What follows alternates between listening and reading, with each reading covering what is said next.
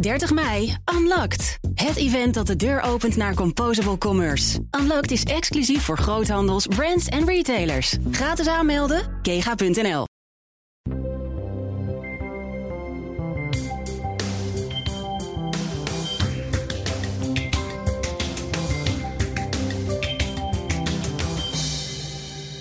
Ze willen een steviger klimaatbeleid en ze laten er ook graag een dagje school voor zitten. In navolging van de klimaatspijbelende, ja, dat moeilijk woord vind ik niet hoor, want het is klimaatstakende Belgische scholieren waren vandaag de Nederlandse leerlingen aan de beurt. Zo'n 15.000 demonstreerden vandaag op het Malieveld in Den Haag. Je luistert naar Woordwaarde, een podcast over taal en communicatie. Ik ben Maria Punch. Wij zijn allemaal spindokters van onze eigen communicatie. Alleen we voelen dat niet altijd even bewust. Framing associëren we heel sterk met de politiek. Maar framing is overal. In de supermarkt, in een sollicitatiegesprek of bij een ruzie over het uitruimen van de vaatwasser.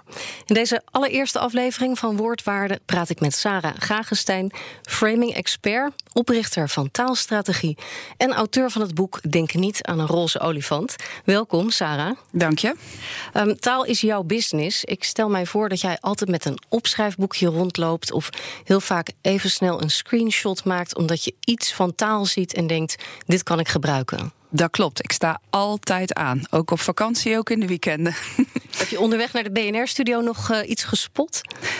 Uh, ja, ik kwam een berichtje tegen op uh, nu.nl waarvan ik dacht uh, dat moet ik even in de gaten houden hoe dit allemaal gaat uitpakken. Ja? Waar ja. ging het over? Dat uh, ging over klimaat. Aha. Ja, daar gaat het de laatste tijd veel over. En daar wordt flink geframed. Ja. Dus dat, uh, en ook op hele verschillende manieren. Komen we denk ik nog wel over te spreken in deze podcast. Ik krijg langzamerhand wel eens het gevoel dat framing een beetje een vies woord is geworden. Herken mm -hmm. jij dat? Zeker. Ja, ja dat, dat moet, ik moet eerlijk zeggen dat ik het idee heb dat dat nu zelfs weer een beetje minder begint te worden. Vroeger, als ik me voorstelde op uh, borrels aan mensen, hoi, framingdeskundigen, dan zetten mensen echt weer een stapje achteruit. Oh ja. En nu heb ik het idee dat meer mensen een stapje vooruit zetten van oh, vertel eens even. Um, maar je moet je wel vaak verantwoorden, ja. Ja. Um, dat komt misschien omdat we het associëren met manipulatie. Terecht ook wel, denk ik. Het mm -hmm. gevoel dat we een bepaalde kant op worden geduwd. Dat uh, wat minder prettige details op de een of andere manier naar achter verdwijnen. Um, maar hoe werkt uh, framing in ons brein? Kun je dat eens uitleggen? Zeker. Frames zitten eigenlijk op twee plekken. Hè. Ze zitten in ons hoofd en in onze taal. Aan de ene kant hebben wij die frames in ons hoofd zitten om een hele complexe werkelijkheid een beetje uh, logisch en, en vereenvoudigd uh, binnen te krijgen. Dat we snel dingen in hokjes kunnen zetten, dat we ze snappen. En aan de andere kant communiceer je ook in bepaalde vaste verhaalstructuren. En die komen ook alleen maar aan op, het moment dat ze voldoende aansluiting vinden bij de hokjes die we in ons hoofd al hebben zitten. Uh, dus juist door, door een bepaalde verhaallijn te kiezen en daar specifieke woorden bij te kiezen, weten we ook contact te maken met die hokjes in het brein. Ja, die kaders, die, die, die frames, uh, die bevatten een aantal elementen die herkenbaar zijn. Mm -hmm. uh, is het zo dat we, dat we informatie verwerken via een frame? Ja, of nou ja, we gebruiken die frames in ieder geval wel als enorme duiders. En ook om aan te geven wat iets wel is en wat het niet is. En waar het wel om gaat. En of het überhaupt ergens om gaat. Waar we, of we er iets mee moeten. Uh -huh. um, dus we gebruiken die frames als, als filter voor alle prikkels die binnenkomen. Moeten we ja. er überhaupt wat mee? En we gebruiken ze ook om, om te snappen of iets belangrijk voor ons is. Of dat we er langer over na moeten denken. Of dat we er eigenlijk al meteen over uit zijn hoe het zit. Weten we waar in ons brein die frames aan het werk zijn? Weten we daar iets over? Uh, daar wordt wel steeds meer over ontdekt. Maar daar hele harde uitspraken over doen, dat is gevaarlijk. Want mm. voordat je het weet, uh, is er weer een neuroloog die ontdekt dat het toch allemaal net een beetje anders zit. Wat we wel weten is dat informatie wordt uh, conceptueel wordt opgeslagen. En hoe vaker je bepaalde uh, verhaalstructuren, bepaalde woorden samen gebruikt, hoe sterker die connectie in het brein wordt tussen die concepten. En mm -hmm. daar ontstaan verhalen en verwachtingen en vaste interpretaties. Ja, en die connectie die noem jij volgens mij in je boek ook een olifantenpaadje. Klopt dat? Ja, ja, ja, ik vind dat een waardevolle metafoor, omdat het laat zien hoe, hoe taal in ons brein fungeert. Hoe vaker we iets horen, of dat nou een verhaal of een woord met een bepaalde associatie is, hoe sterker dat wordt. En hoe vaker je dat ook weer zo gebruikt, hoe dieper dat paadje uitslijt. Dus die frames die zijn enorm zelfbevestigend op het moment dat ze meer gebruikt worden. Als we onze hersenen uh, in, een, in een scanner leggen, kunnen we die paadjes, zijn die op de een of andere manier al zichtbaar? Um, uh, neurolinguist George Lakoff die schrijft daarover in zijn boeken dat je wel banen stof, witte stof tussen, tussen uh, uh, synapsen, tussen, tussen stukken hersenen kunt zien. Mm -hmm. Dus die, die, die frames die zijn wel echt fysiek aanwezig in ons hoofd. Het is, ja. het is niet dat het metaforisch gelinkt is. Ideeën worden echt fysiek gelinkt. Ja. Um, maar het, het, is nog niet 1, 2, 3 even te scannen, op te halen en uit te lezen. Uh, we hebben het over framing. Um, is er eigenlijk een Nederlands woord voor? Ja, daar word ik wel vaak naar gevraagd. Mm. Ja. ja, terecht natuurlijk. Alleen ja, de, de, de Nederlandse woorden hebben dan toch niet precies de goede, de goede associaties. Want wat, wat vaak wordt gebruikt is inkaderen. Maar het heeft, ja, het, het geeft net niet weer wat we ermee bedoelen. Nee. Nee. Nou, wij spreken af dat we dus het Engelse woord uh, framing gebruiken. Ja. Als je een soort definitie zou geven, dan gewoon wel in het Nederlands, wat, mm -hmm. wat, wat is dan het setje aan woorden dat je gebruikt? Uh, een frame is voor mij een verhaal dat je met specifieke woorden en beelden uitdrukt, waarmee je één deel van de realiteit benadrukt en een ander deel wat meer naar de achtergrond brengt of vervaagt. En daarmee ben je aan het sturen naar een specifieke interpretatie van die werkelijkheid. Je legt in je boek uit dat, uh, dat we eigenlijk op de dag van onze geboorte uh, al kennis maken met ons eerste frame. Ja. Hoe zit dat? Dat is uh, een prachtige metafoor die we, waar we de rest van ons leven plezier van hebben, namelijk warm en koud. Um, ik heb dit niet bedacht, hè. Dit, uh, dit komt van, uh, van neurolinguist George Lakoff. Die schrijft daar ook over. Ja, op, op, op het moment dat je aan de borst wordt gelegd. Uh, door je moeder. Dan -hmm. komt er voer en ja. het wordt lekker warm. Nou ja, en op het moment uh, dat je weer terug in je wiegje gaat, dan wordt het weer koud en uh, geen, geen stroom aan, aan melk meer. Dus dan leren wij al heel goud: warm is goed en koud is, is fout. Nou ja, dat, dat leren we ook steeds beter in te zetten. Als ik het heb over een warme persoonlijkheid, ja. dan snappen we dat dat niks met temperatuur te maken heeft. Net als een, een, een beetje een kille persoonlijkheid, nou ja, enzovoort. Uh, dus we, weet je, we leren hele concrete ervaringen ook te gebruiken om een veel abstractere werkelijkheid mm -hmm. mee te beschrijven. En daarom begrijpen we elkaar ook. Ja, en dat komt dus terug in onze taal. Met Zeker. Een, uh, je bank ja. laten stofferen in een warme tint. Of, uh... Ja, ja, ja, ja, precies. Want waarom heb je warme stoffen en, en koude stoffen? Ja, dat heeft toch iets met associaties dan te maken. En dat we maar iets wat we wel kunnen benoemen gebruiken voor iets wat we anders nooit zouden kunnen benoemen. Ja. Als we nou een geraamte van een frame uh, uh, zouden willen, zichtbaar zouden willen maken, wat zijn mm -hmm. de basisingrediënten van een frame? Neem ons daar eens stap voor stap mee Mhm. naartoe. Uh, het belangrijkste ingrediënt voor een frame is de, de waarde. Dat is het, uh, het fundament waarmee je de connectie maakt met, met uh, wat, wat ons brein de hele dag aan het doen is. En dat is waardeoordelen vormen over alles. Doet het ertoe, doet het er niet toe. En een goed frame haakt aan op iets wat we belangrijk vinden. Wat voor ons er echt toe doet.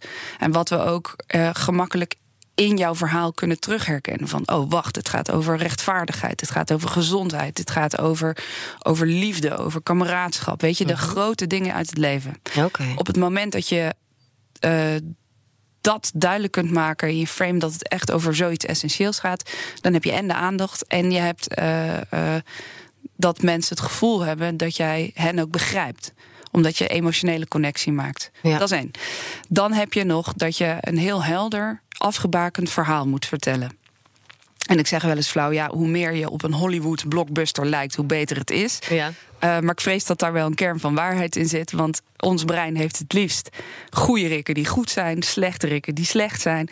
Als er een slachtoffer is, dan moet er een dader zijn. Dan ja. gaan we net zo lang op zoek totdat we maar iemand kiezen die het dan is. Um, en er moet wat aan de hand zijn. Want als er niks gebeurt, dan mm -hmm. heb je geen verhaal.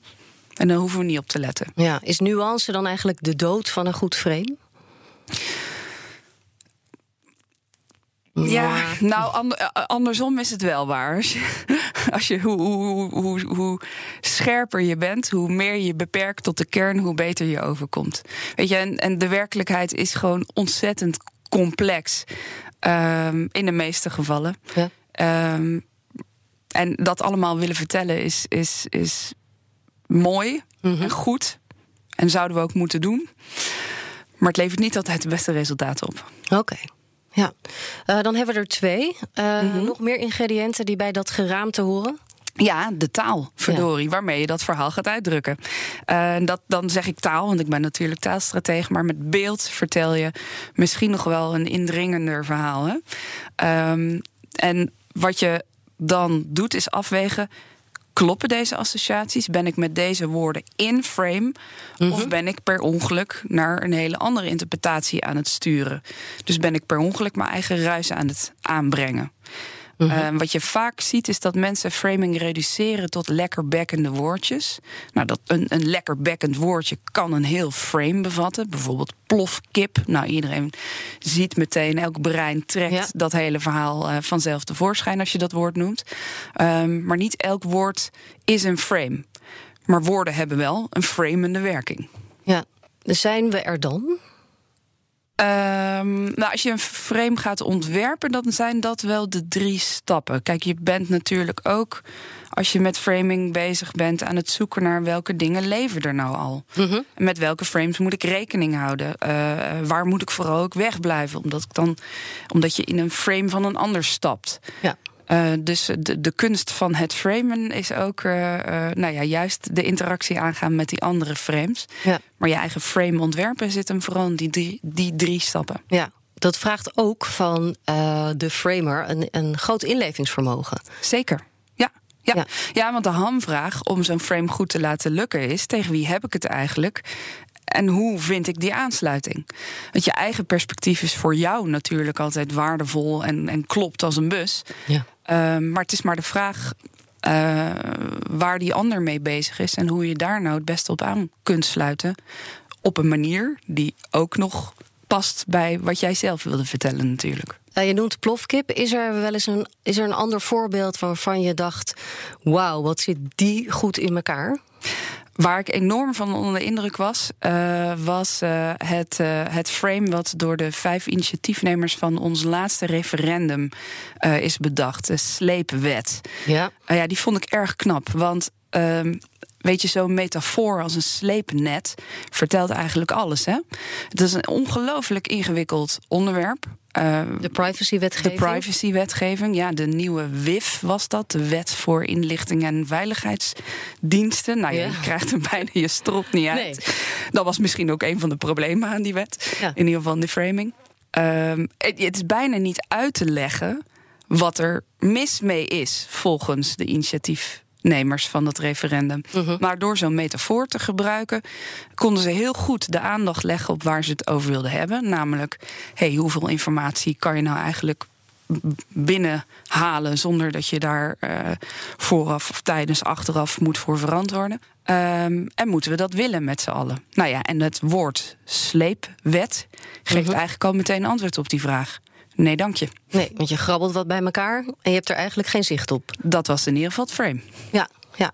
En um, is die ook zo knap omdat het zo lastig was om er een ander frame tegenover te zetten? Ja, dat zag je ook heel erg. Hè? Dat, uh, dat, dat, dat de voorstanders bijna niet kregen uitgelegd waarom ze er voor waren. Sterker nog, ook veel instanties die wilden uitleggen wat de overweging was, namen dat woord over.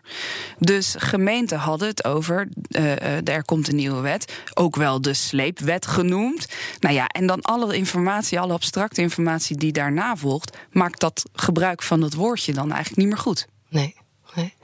Uh, nou noemde jij net al uh, George Lakoff. Hij is inmiddels wel een gepensioneerde hoogleraar. Yes. Uh, maar hij heeft veel gepubliceerd over taal en het brein. En mhm. over framing. en ook over de rol van, van metaforen. ik heb een fragmentje, het is wat krakerig. Het komt uit een van zijn colleges... waarin hij uitlegt dat metaforen eigenlijk zo'n onderdeel zijn... van ons dagelijks taalgebruik dat we niet eens meer doorhebben. En dat bijvoorbeeld als je liefdesrelatie in het slop zit... dat er dan automatisch een soort reeks aan, aan metaforen tevoorschijn komt. Mm -hmm. And then we realized that English had a lot of expressions in which love was seen as a kind of journey.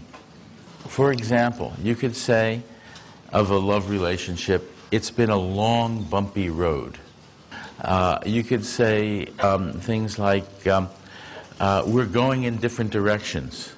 We're at a crossroads in the relationship. Uh, you could say the marriage is on the rocks. Uh, it's off the track. Ja, die kunnen we eigenlijk zo naar het Nederlands vertalen ook. Mm -hmm. Van uh, we zitten op een doodspoor en het, het, gaat nergens heen. Ja. Ja, ja. ja, maar dit soort metaforen zijn een, een, mooie manier om je uit te drukken. Maar mm. ondertussen beïnvloeden ze onze interpretatie ook enorm. Hè? Want als je zegt het is niet een reis, een relatie, het is een bouwwerk. En het staat op instorten. Of we hebben een stevig fundament. Uh, uh, of uh, we zitten niet in dezelfde ruimte. Ja, dan, dan, dan beïnvloedt ook de manier waarop je er naar kijkt. En welke oplossing je bedenkt. Of welk perspectief je ziet. Ja. Ja, dus sowieso elk frame moet een dijk van een metafoor hebben. Als je die weet te vinden, dan zit je wel stevig, ja. ja. Uh, laten we eens verder uh, kijken naar framing in de praktijk. Nou, als er één discussie is die zich daar heel goed voor leent, dan is het die over klimaat, klimaatverandering en ook wat we daar wel of niet uh, aan zouden moeten doen. Mm -hmm. We beginnen eerst met wat waarschijnlijk het woord van het jaar gaat worden: klimaatspijbelaar. Bij BNR we hebben besloten dat frame eraf te halen en het toch maar gewoon klimaatstakers te noemen. Net iets neutraler. Ja, dit is Mark Beekhuis, een collega van BNR op de mm -hmm. dag ergens in februari dat er die grote klimaatstaking was. En uh, nou, je hoort de journalistiek dus hier worstelen ook met, met woorden en de interpretatie die daaraan hangt. Net iets neutraler, zegt hij. We halen het frame er even af. Kan dat eigenlijk? Het is een, een mooie poging, maar iets ontframen of deframen, wat je wil, dat, zo, zo, zit het niet in elkaar. Want elk woord is beladen met bepaalde associaties die we met een grote groep of met een subgroepje delen. En woorden zonder associaties, ja, die zijn niks. Dat is niks. Nee. Uh, dus zodra je gaat communiceren, ga je manipuleren. Niks aan te doen. Neutrale taal bestaat niet. Nee. Zijn er woorden zonder associaties? Nou, ik heb ze nog niet niet gevonden. Nou, je hebt, je hebt misschien wel nieuwe woorden, maar die ga je vervolgens ook weer laden, want anders zou je ze niet gebruiken. Ja. Um, en soms zeggen mensen, ja, en cijfers dan? Cijfers zijn toch neutraal? Mm -hmm. Cijfers aan zich zijn misschien wel neutraal, maar dan drukken ze ook niks uit. Dus zodra je 100 is niks, tenzij het 100 euro of 100 doden wordt. Uh, ja. Maar dan, dan krijgt het vanzelf weer uh, context die het nou, betekenis geeft. En het wordt altijd verpakt in taal. Ja, ja. ja, ja. Um, welke frames uh, zijn er zoal in het klimaatdebat? Nou, dat, dat worden er steeds meer, valt me op. En ook steeds gevarieerder. Uh, waar ik wel blij mee ben, want uh, in alle eerlijkheid, het klassieke frame waar het ooit allemaal begon, -hmm. daarvan weten we inmiddels dat het niet Um, of nou ja, niet zo'n best effect heeft, is ook weer te plat. Maar dat een grote groep uh, helemaal niet op de juiste manier wordt geraakt door dat frame. Dan heb ik het over het 5 voor 12 frame ja. of het gloom and doom frame, hoe je hem ook wil noemen. Mhm. Het frame dat zegt als we nu niks doen, ja. dan gaan we met z'n allen naar de galamies en dan gaat de wereld naar het knoppen. Oké. Okay. Welke, um, welke club of uh, partij kan ik daar aan hangen? Is daar uh, bijvoorbeeld in Nederland, is daar in het publieke debat een, een partij die heel erg in die hoek zit? Um, ik weet dat uh, Greenpeace die ja. veel uh, gebruikte. Mm -hmm. uh, maar ook uh, Rijksoverheid heb ik dit frame ook gespot. Ja. Ehm, ja, je, komt hem, je komt hem overal nergens tegen. Ook organisaties die zeggen we moeten nu met z'n allen de schouders eronder zetten, want anders. Dus het is, het is een heel mm -hmm. wijd verspreid frame. Ja. Um, en het en ook wetenschappers hebben deze natuurlijk heel veel gebruikt. Van Ja. jongens, kijk nou, eh, nog zoveel graden en dan is het onomkeerbaar. Ja. Nou, dat is een aardig schrikbeeld natuurlijk, maar zorgt het ook voor het juiste gedrag? Daar gaat het om, hè? Ja. Wat doet dat frame met mensen? Ehm, en ondanks dat dat frame veel gebruikt is en ook steeds heftiger werd ingekleed met voorbeelden en rampen en hele nare scenario's, toch, toch ja, leidde het niet tot het gewenste gedrag. Steeds meer mensen die juist hun kop in het zand leken te steken. Ja, want het doel is, is om te beginnen om dat frame te laten aanslaan. Maar Mhm. uiteindelijk om, moet het leiden tot een gedragsverandering. Ja, precies. Ja, en wat dit, dit 5 voor 12 frame, dus die klassieker, eh, eh, bij een grote groep, niet iedereen, maar bij een grote groep lijkt te doen, is wel angst aanjagen, maar zonder oplossingsperspectief. Oké. Het is, er kunnen met dit frame twee problemen ontstaan. Oftewel, het is te ver weg, te abstract. Eh, en dat, dat, dat kan ik me ook goed voorstellen, want wat, waar het vaak over gaat, is dat de Sahara gaat groeien of de woestijnen gaan groeien, eh, de poolkappen smelten. Nou, dat is allemaal ver, hartstikke ver weg. Dat, dat zie je hier en nu niet. Ehm, en het is ook nog, mensen kunnen denken, ja, dat zien we dan wel weer. Want waar hebben we het over? 2050. Oké, dus ons brein kan die informatie eigenlijk gewoon helemaal niet. Nee, we dat scenario niet, niet echt bevatten. We zien het niet, we voelen het niet. En Misschien wel een beetje, maar dus, het is net als met, met, met rokers die pas tientallen jaren daarna de feedback krijgen van Ja. hun lijf dat het niet goed voor je was. Ja. En we kunnen niet zo heel erg goed ver vooruit denken. Wel met ons hoofd, maar niet met het stuk van het brein waar we de echte urgentie kweken. hè. Ja, dat klinkt een beetje raar wat ik zeg, maar we kunnen het wel allemaal beredeneren. Ja. Maar we moeten het ook voelen en ervaren om echt in actie te komen. Nou, dat zie je bij dat, dat, dat vaak abstract vertelde klimaat Mhm. 5 voor 12 frame. Dat mensen denken, ja, het zal, het zal wel. Misschien wel, misschien niet. En daarnaast, zelfs al zijn mensen doodsbang, zelfs al denken ze, oh shit, die tsunami of die Ja. eh, de, wel, nou, eh, Natte de voeten. biodiversiteit, ja precies, de dijken breken. Zelfs dan is het nog de vraag, ja, gaat het lukken om het op te lossen? Ja. Ehm, en dan zie je ook dat in een frame moet er balans zijn tussen probleem en oplossing. Als jij Mhm. een mega probleem voorstelt, moet je ook een mega oplossing er tegenover kunnen zetten. Is dat niet het geval? Ja, dan zijn mensen wel bang zonder oplossing. Ja. En dan krijg je het interessante fenomeen dat we onszelf psychologisch beschermen tegen die angst. En steken we gewoon onze kop in het zand. Cognitieve dissonantie. Oké. Maar jij zegt, dit frame begint een beetje naar de achtergrond te raken. Eh, er- Of er komen in ieder geval meer alternatieven bij. Ja, ja. Noem nog eens een klimaatframe. Ja, Ehm, nou, dus, dus vanuit dit idee, en dat wordt ook wel steeds meer erkend door mensen: van oh ja, mensen zijn, ze horen het wel, maar ze horen het niet echt. Dus dit, dit is niet het goede verhaal. Zie je ook dat er nu steeds meer eh, eh, wat ja, positievere frames, klinkt een beetje gek, maar meer winstframes tevoorschijn komen. Ehm, bijvoorbeeld een gezondheidsframe. Hey, hoe gezonder de aarde is, hoe gezonder wij zijn en blijven. Waarbij eh, dan vaak eh, juist hele jonge kinderen of juist kwetsbare ouderen worden genoemd als mooi voorbeeld van die wil je beschermen. Ja. Nou, dan komt het al een stuk dichterbij, hè? De toekomst schoon doorgeven aan onze kinderen. Nee, nou, nee, maar meer ook gewoon onze, de, de, de atmosfeer. Dat zijn dat is onze longen. Dus hoe schoner onze leefomgeving, hoe minder plastic in de zee, hoe minder troep in de lucht, hoe minder chemicaliën in het water, hoe beter het ook is voor onszelf.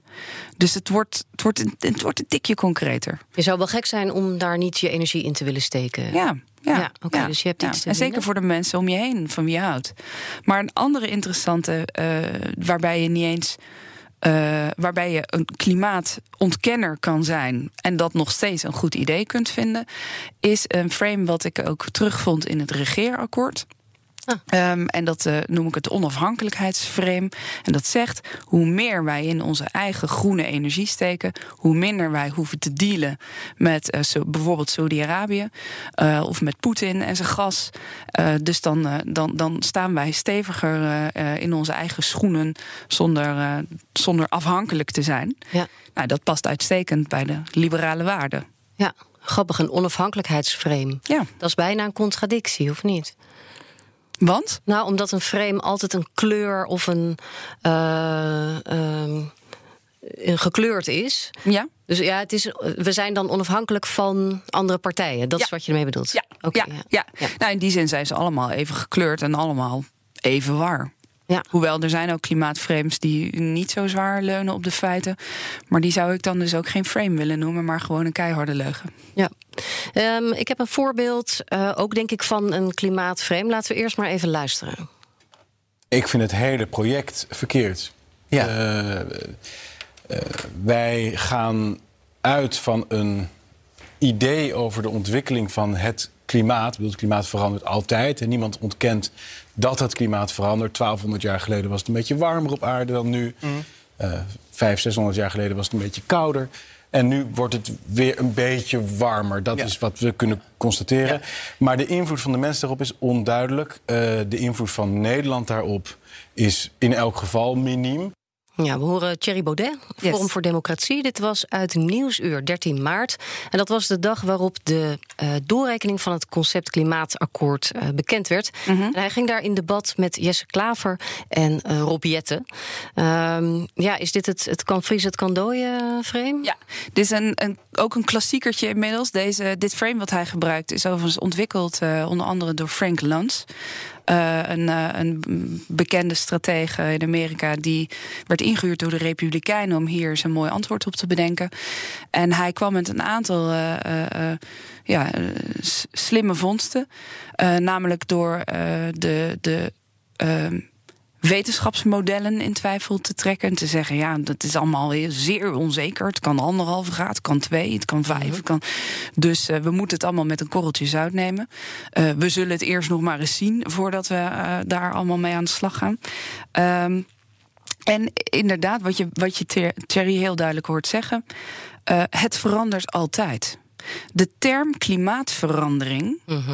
We, dat, dat noemden we eerst niet. We hadden het eerst over global warming, ja. opwarming van de aarde.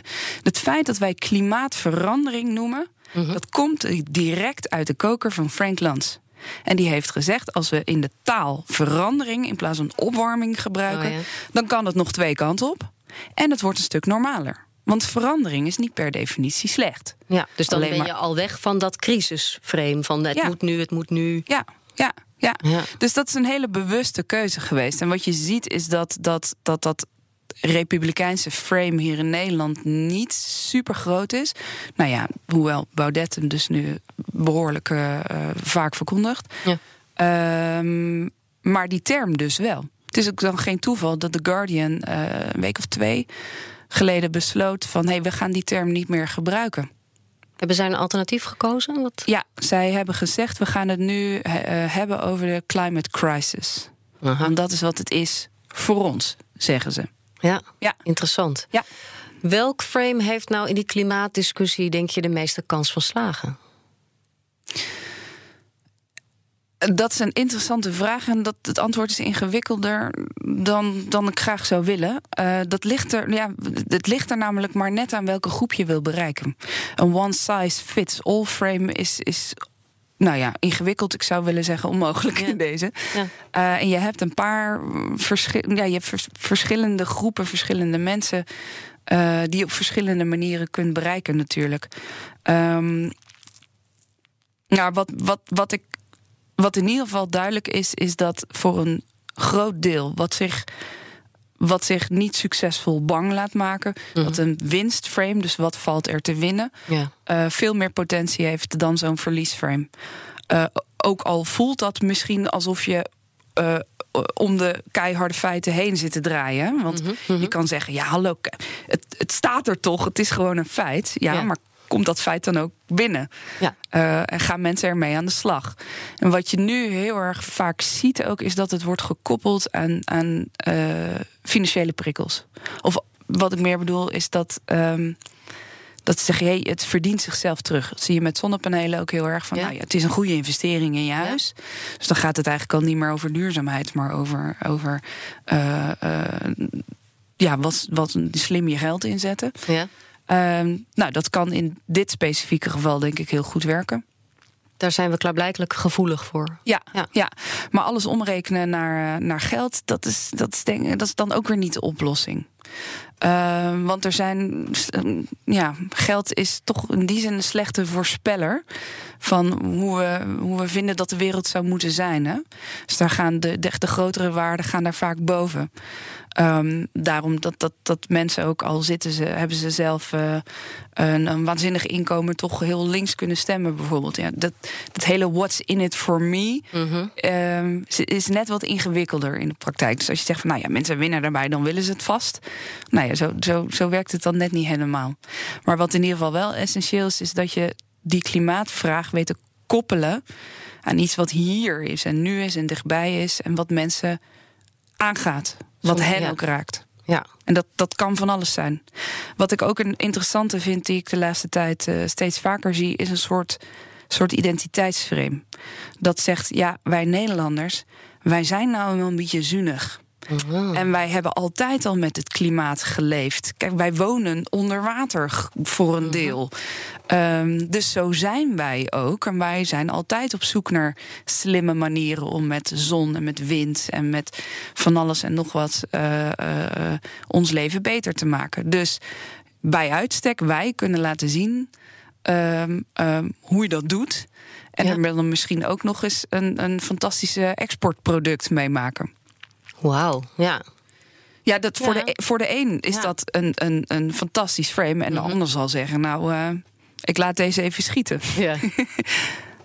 dus ja, het, het ligt eraan. Ja. Ik wil een stap maken, want met jouw bureau uh, adviseer jij ook uh, partijen uit het bedrijfsleven bijvoorbeeld. Ja. Um, hoe wil een groot advieskantoor van de Zuid als uh, framing inzetten? Waarom komen zij bij jou? Um, soms als er uh, nieuwe veranderingen uh, op het spel of op, op, te, te, te, eraan zitten te komen. Dat kan uh, intern zijn, dat kan extern zijn. Um, soms als een, het publiek debat ergens helemaal niet over gaat. Dus iets wat ertoe doet, iets wat eraan zit te komen waarvan we denken: waarom heeft niemand het hierover? Um, soms als er een, een, een hoofdpijndossier ligt. Iets waar, mm -hmm. ze, waar ze last van hebben, waar een, hun kant van het verhaal niet gehoord wordt. Want daar gaat het vaak om. Hè? Mm -hmm. um, dat organisaties zichzelf ook helemaal verliezen in die inhoud. Ja. Uh, dus alleen maar feiten, feiten, feiten gaan strooien. Die allemaal keurig onderzocht zijn en wat, wat, wat er goed uitziet, maar ja. wat geen verhaal mm -hmm. vormt, wat geen plakkracht heeft. Um, dus waar wij vaak voor gevraagd worden, is om mee te denken van oké, okay, hoe zorg je nou dat je dat je feiten gehoord worden. Daarin zit hem ook de crux, hè? Die feiten. Ja. Als die er niet zijn, ja, dan valt er niks te framen. Nee. Um, maar zelfs als die feiten er wel zijn, komen ze regelmatig nog voor geen meter over. Nee. Uh, je hebt volgens mij ook de stelregel dat als een uh, partij jou wil, partij, een instantie, uh, wie dan ook jou wil inhuren, jou, jouw bureau. Uh, dat ze met een goed verhaal moeten komen, uh, onderbouwd door feiten. Uh, eigenlijk moeten zij bij jou pitchen in plaats van andersom. Dat klinkt heel dramatisch, maar dat is wel. Uh, ja. Nee, de, de inhoud doet ertoe. Heel veel mensen zeggen ja, Trump heeft laten zien dat de inhoud er niet toe doet. En dat het alleen maar om het frame gaat. Um, ja, dat, dat, doet, dat doet mij zeer, omdat framing juist een middel is. wat je feiten kan overbrengen. Maar dat is wel, wat mij betreft, een absolute voorwaarde. Die feiten moeten er zijn, anders valt er niks te framen. Nee. Nou ben jij natuurlijk een specialist op jouw terrein. Uh, maar ja, de ene dag zit je bij wijze van spreken aan tafel met Greenpeace... en de andere dag met het CDA. Um, hoe, uh, hoe informeer jij je? Hoe weet jij... Uh, hoe kun jij zo scherp in de wind zeilen dat je kan zeggen... ja, maar dit is geen goed verhaal. Dus daar wil ik mijn kennis ook niet aan lenen. Ja, dat is een hele goede vraag. Nou, wat... wat wat heel erg helpt, is om gewoon met mensen in gesprek te gaan. En uh, aan hen zelf, maar te, te, vragen van... goh, waar ben je mee bezig en hoe zit het? En dan valt het me altijd enorm op dat, dat waar ik ook kom... er een enorme inhoudelijke drive zit. Dus ook, ook misschien de, de, een groep waarvan uh, je zou zeggen, nou, dat zijn de slechterikken. Mm -hmm. Die zijn dan blijken ineens de braafste jongetjes uit de klas te zijn. En zijn onderzoek naar onderzoek naar onderzoek aan het doen. Uh, maar krijgen vooral een, een, een label opgeplakt. Uh, en dat klinkt misschien een beetje flauw, maar weet je, de uiteindelijk blijkt, blijken de dingen nooit heel zwart-wit te zijn. En ehm, het is ook goed om te realiseren dat ik vooral word ingehuurd bij dingen waarbij de feiten ook op verschillende, verschillende manieren uitlegbaar zijn. Mhm. En die ook alle twee even waar zijn. Ehm, maar wel twee verschillende perspectieven kunnen vertegenwoordigen. En waar het mij om gaat, is dat je dat je, je, je perspectief kunt overbrengen. En daar dan dus met elkaar over in debat kunt gaan. Ja.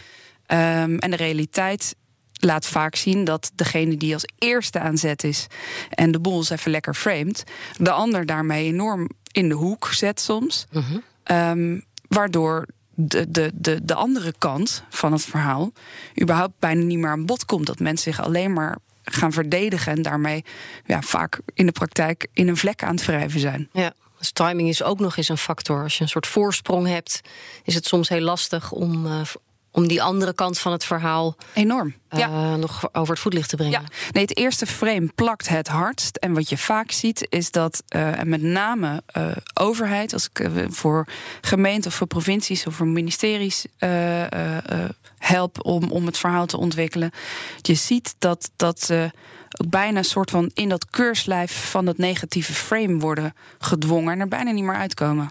Mhm. Je hebt ook al eens gezegd in een interview van ik wil, eh, ik wil eigenlijk gewoon alleen met good guys eh, werken. Ehm, dan zeg je ja, dat, weet je wel, dat slechterik, het is allemaal niet zo zwart-wit. Ja. Eh, zijn er toch nog wel een soort van paar slechterikken aan de horizon waarvan je zegt ja, daar ga ik niet mee in zee? Ja, tuurlijk. Er, zijn, er zijn organisaties of mensen of die. Nee, dat- dat voelt niet goed hoeveel ze ook uitleggen. Weet je, want in mijn werk is mijn mening niet zo interessant.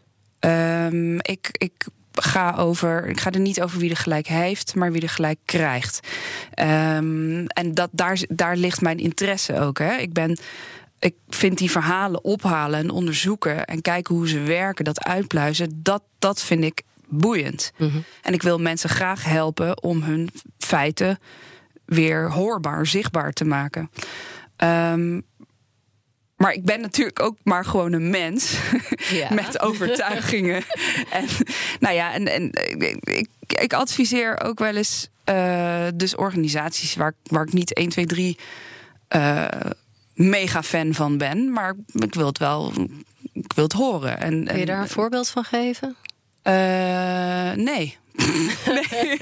nee, nee, nee, dat vind ik raar als ik, nou, als ik er iets, iets uithaal.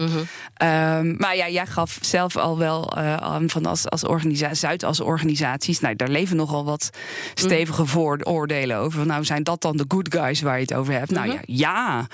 Ehm, want daar zit, daar zit ook een enorme inhoudelijke drive bij, bij alle mensen die ik bij banken, bij verzekeraars, bij advocatenkantoren heb gesproken. En believe me, eh, die zijn echt wel bezig met, met die feiten en met de inhoud. En te veel zelfs.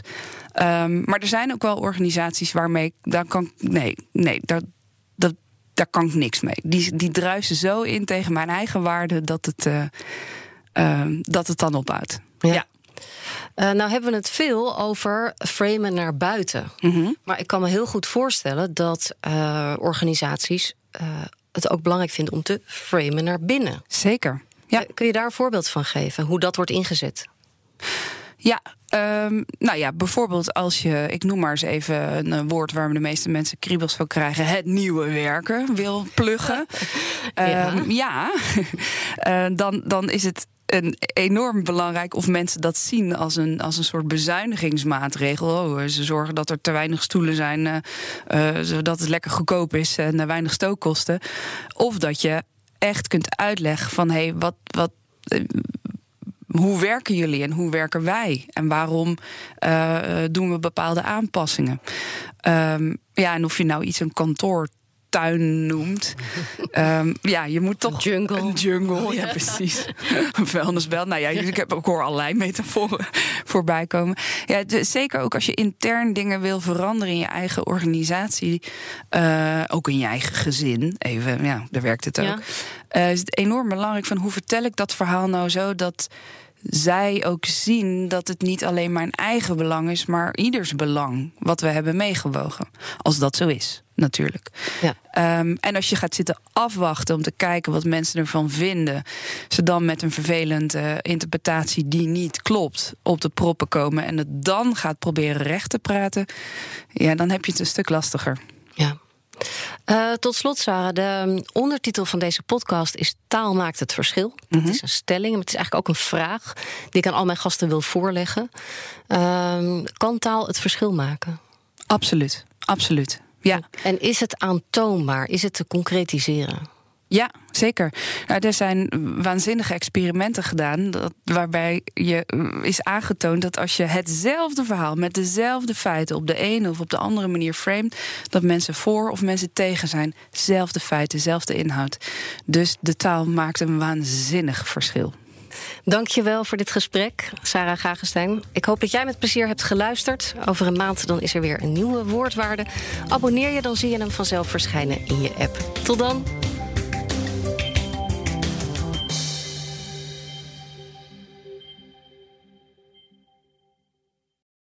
30 mei, Unlocked. Het event dat de deur opent naar Composable Commerce. Unlocked is exclusief voor groothandels, brands en retailers. Gratis aanmelden, kega.nl.